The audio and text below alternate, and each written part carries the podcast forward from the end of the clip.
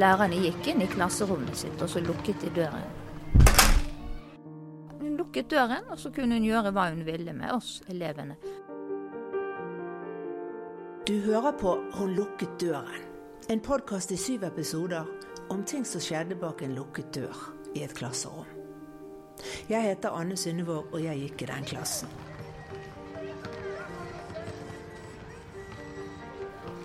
Podkasten er laget med støtte fra Utdanningsnytt, og dette er del tre orden og struktur. Vi var lydige og satt på pulten vi ble tildelt. Ingen hadde reiste seg opp eller var ulydige i hennes klasse. Den læreren var streng, og vi marsjerte inn og ut av friminuttene. Vi måtte stille opp nede på plassen for å komme inn i klasserommet. Og vi gikk lydige oppover. Kan ikke forstå at vi var så lydige. I syv år. Dette er Helene. Jeg tror hun var en av de elevene i klassen som frøken likte, og aldri plaget.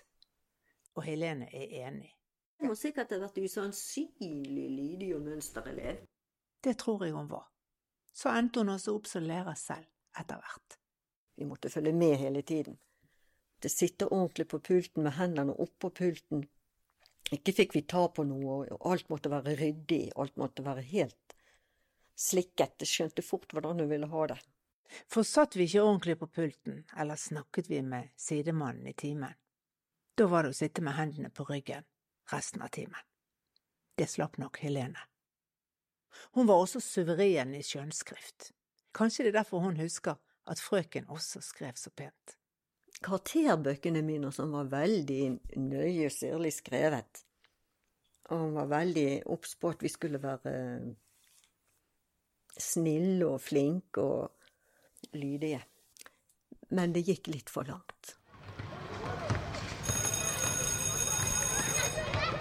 For de av oss som ikke klarte å leve opp til frøkens ordensregler, og vi var mange, vi fikk i hvert fall merke det. Et viskelær, en blyant eller linjal som ikke var med i ranselen den dagen, alt kvalifiserte til et nytt glemmekryss, som ble skrevet på en stor plakat, og i slutten av måneden ble kryssene telt opp og vist frem, nærmest til skrekk og advarsel. Og ettersom jeg ofte lå i tet i antall glemmekryss, betød det at jeg ikke fikk være med på aktiviteter som var gøy. Surest var det da vi kom i syvende klasse og jeg ikke fikk være trafikkpoliti. Jeg kan likevel ikke huske at jeg var direkte redd frøken.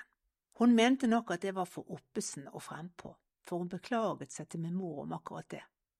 Men jeg klarte meg bra i nesten alle fag, og det betød mye for frøken, for hun var veldig ambisiøs på våre vegne. Bare i håndarbeid slet jeg. Jeg mistet fort masker på strikketøyet, og når vi skulle sy flanellspyjamaser eller gymposer, så hang jeg fort etter de andre.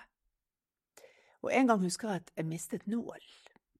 Og da sa frøken at jeg måtte pent lete etter den nålen til jeg fant den. Så jeg husker at jeg krøp rundt på gulvet resten av timen. Uten resultat. Og lette etter denne nålen. Og dette hjalp jo ikke på progresjonen i arbeidet. Så når jeg kom hjem, så ba jeg min mor om å kjøpe et hefte med nåler, så jeg kunne ha i reserve i ranselen, for påkomne tilfeller. Og det gjorde hun. Så neste gang dette skjedde, for det skjedde igjen at jeg mistet nålen, ja, så fiklet jeg diskré frem en nål fra ranselen, og lot som ingenting og fortsatte å sy. Men så kom frøken rundt for å inspisere arbeidet, og da oppdaget hun at nålen som jeg sydde med, ikke var av samme fabrikat som skolen sine nåler. Så da måtte jeg pent ned på gulvet igjen og lete, helt til det ringte ut.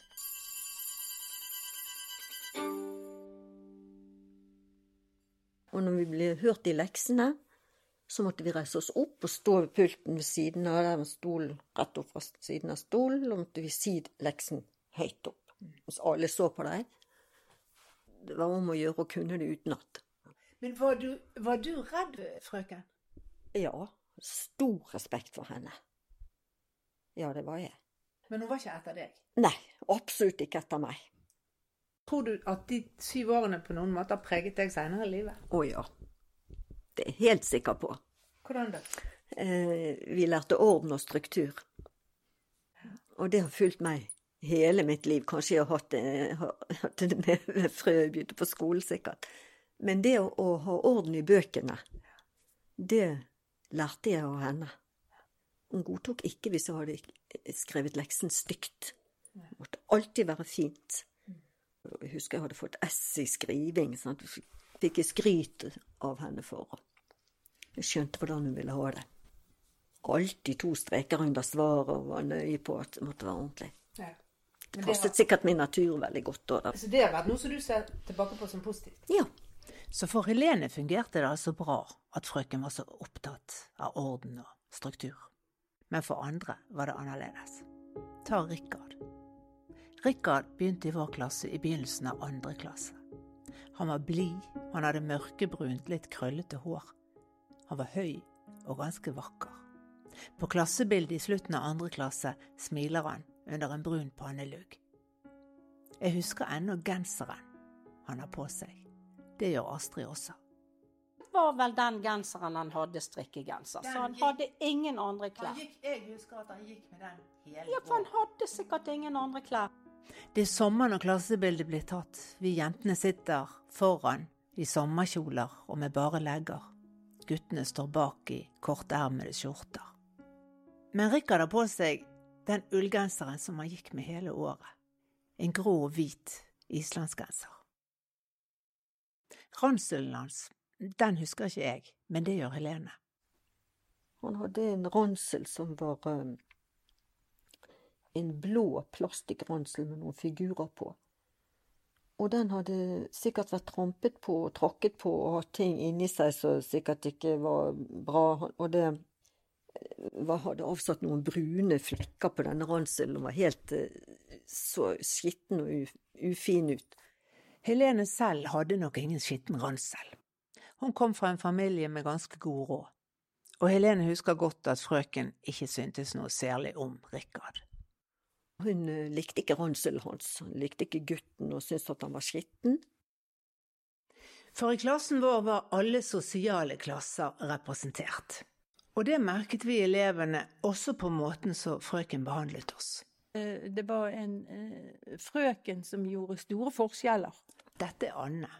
Så hadde du de som på en måte var brelebarna. sånn. Som blir favorisert. Det var jo gjerne de av oss som kanskje kom fra eneboligene her på, på Kammen, sant, og ja, Du følte selv at du var et av brelebarna, da? Jeg følte det, men, men samtidig så var jeg Men hun, hun favoriserte ikke meg. Men hun kunne favorisere for eksempel en som eh, Eva. Mm -hmm. Sant?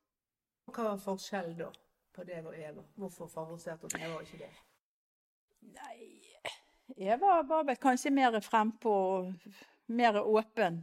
Mm. Sant? Og, du var mer sjenert? Ja, jeg tror det. At det var det det gikk på.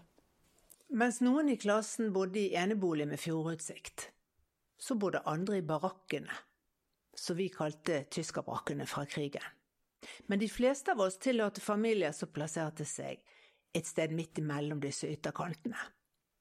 Mine foreldre de slet jo for å få endene til å møtes, men de hadde jobb, og vi eide vår egen leilighet på 50 kvadrat. Og selv om vi ikke kunne sløse med penger akkurat, så klarte vi oss greit. Og ganske mange av mine klassekamerater hadde omtrent samme nøysomme standard som vi hadde. Men familien til Rikard var lut fattig, og det lot frøken han få merke. Til gangs.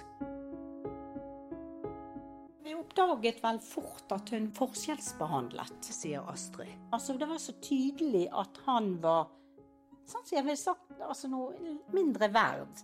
Sånn skilt. Og hvis jeg syntes det var ydmykende å måtte krype rundt på gulvet hele håndarbeidstimen og lete etter en nål, ja, så lurer jeg på hva Rikard følte da han kom om morgenen og ble sendt sporenstreks bort til vasken ved døren i klasserommet. Det husker Arne Fredrik også. Det husker jeg.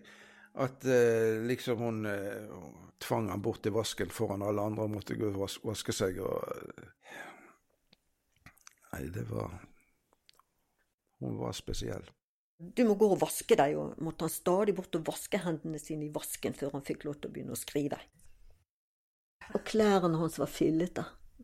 Han gikk med gensere som var helt oppraknet her. Husker jeg her. Og vi syntes veldig synd i han. Jeg husker han tror han hadde matpakke med seg. Um.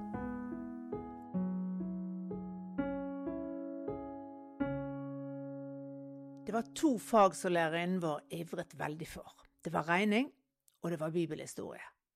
Jeg husker jeg lå i sengen etter jeg hadde lagt meg om kvelden og øvde på gangetabellen, Luthers forklaring til de ti bud og salmevers. det var om å gjøre å kunne det utenat. Husker du salmeverset? Ja. Mange salmevers. Milde Jesus og Gud hvor vi sang. 30 vers, eller hva det var. På til å dø. Fader vår måtte vi stå. Fader vår måtte vi si det hvert år. Hver dag. Fader vår. Hver dag måtte stå med foldete hender ved siden av pulten. Og stå helt stram. Synge den sangen hun Og når presten hadde da veldig lyst til å komme inn i klassen vår, for der var vi så lydige, og der satt vi så fint, og der var det så mange flinke som kunne gjengi ting fra Bibelen. Og husk at jeg stadig måtte opp og bli hørt når presten var på besøk. Og det, da solte hun seg. Astrid husker englene. De englene oppe i himmelen som da hadde noen kurver. Sant? Og så var det menneskene, da, disse menneskene som stort sett var så syndige og utakknemlige. Og det eneste de puttet oppi kurven til englene, det var jo ønsket om å ville ha mer. Så det var en veldig tung kurv. Mens den andre kurven, der hvor de skulle takke, den var så lett. En gang mens vi ennå var små, fikk vi se film i klassen, i farger. Handlingen var fra første Mosebok, der Abraham går med på å ofre sin sønn Isak til Gud, da Gud befaler det. Isak blir lagt over et bål, og Abraham skal akkurat til å tenne på, da Gud endelig bryter inn og sier at det er greit, du behøver ikke ofre sønnen din, for nå vet jeg at du er villig til å ofre han for meg. Men det faktum at Gud befalte Abraham til å ofre sin sønn, og at Abraham sa seg villig, var begge deler uhyrlig i mine øyne. Etterpå skulle vi tegne denne historien, og jeg tegnet og fargela Isak som lå på bålet, og uhyggen sitter i ennå når jeg tenker på det. Når Abraham skulle ofre sønnen sin på Å ja. Ja, men vet du hva, det var jo min store fortvilelse. Jeg tror jeg hadde kusma og dere fikk se en film på skolen. Og jeg gikk glipp av den dramatiske filmen. sånn. Jeg syns jo det var kjempegøy å ha kristendom fordi vi fikk tegne i boken. På 1960-tallet må skolen ha vært opptatt av å lære barn å spare. For hvordan ellers forklare at vi alle fikk en bankbok av skolen? Ikke i hånden, riktignok. Frøken hadde alle bankbøkene i sin forvaring. Dette hadde jeg nesten glemt, før Anne minte meg på det. Uh, vi hadde én bankdag i måneden hvor vi kunne sette inn penger på Vestlandsbanken, så hun administrerte.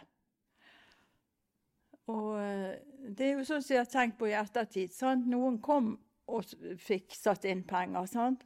og hadde med seg hjemmefra, mens andre fikk jo aldri satt inn penger på denne kontoen. Og der satt hun og administrerte.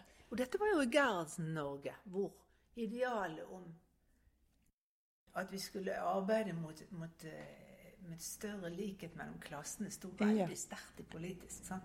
Ja. ja da. Og sånn ble det. Men uh, på Helle skole hadde ikke den ideologien helt festet seg. Nei, den hadde nok ikke det.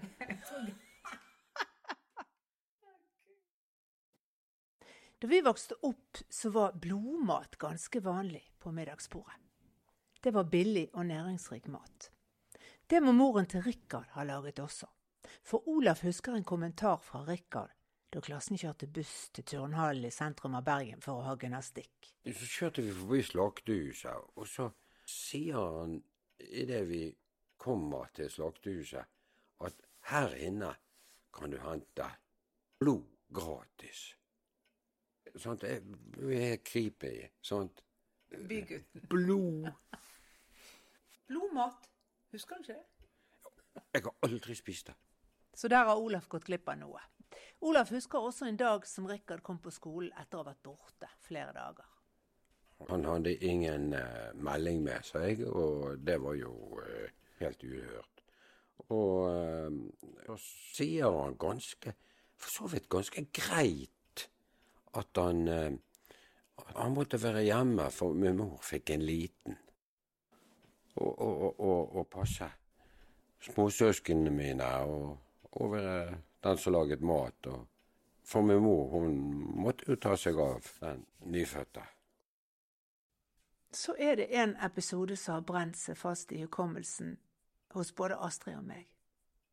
Før jul i andre eller tredje klasse satte vi opp Selma Lagerlöfs Legenden om julerosene som juleforestilling.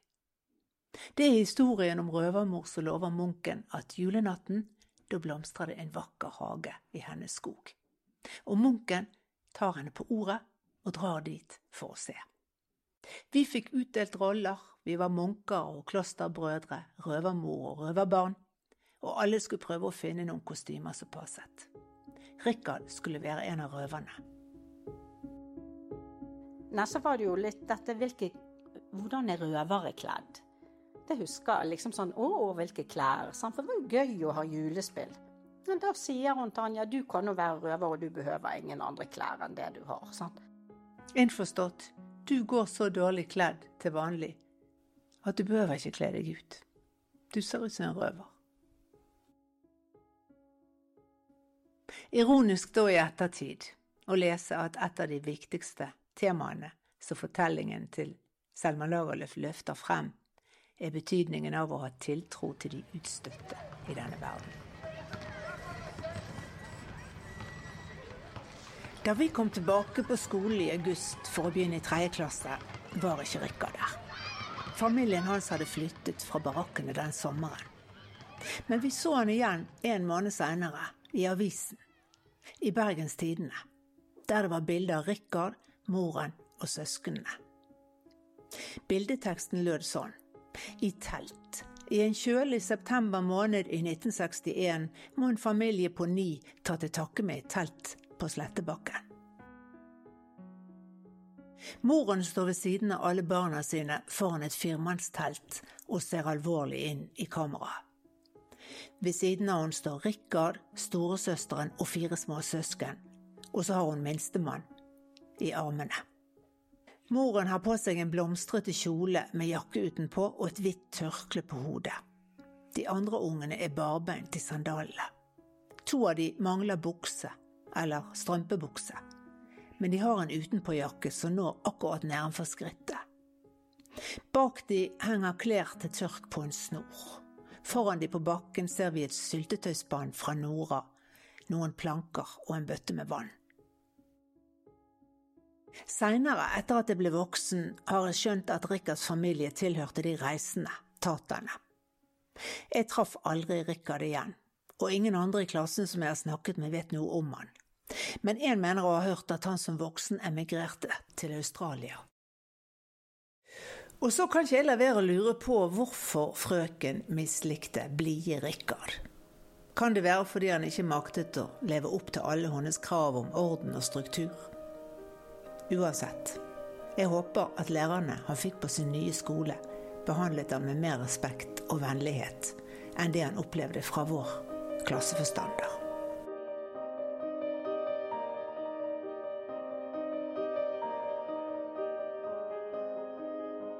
Du har hørt del tre av podkasten 'Hun lukket døren'. Den er laget av meg, Anne Synnevåg, med støtte fra Utdanningsnytt, som er bladet til Utdanningsforbundet. Øystein Vesaas har hjulpet med lyddesignet, og Kasper Synnevåg med gode råd og innspill. Takk for at du hører på.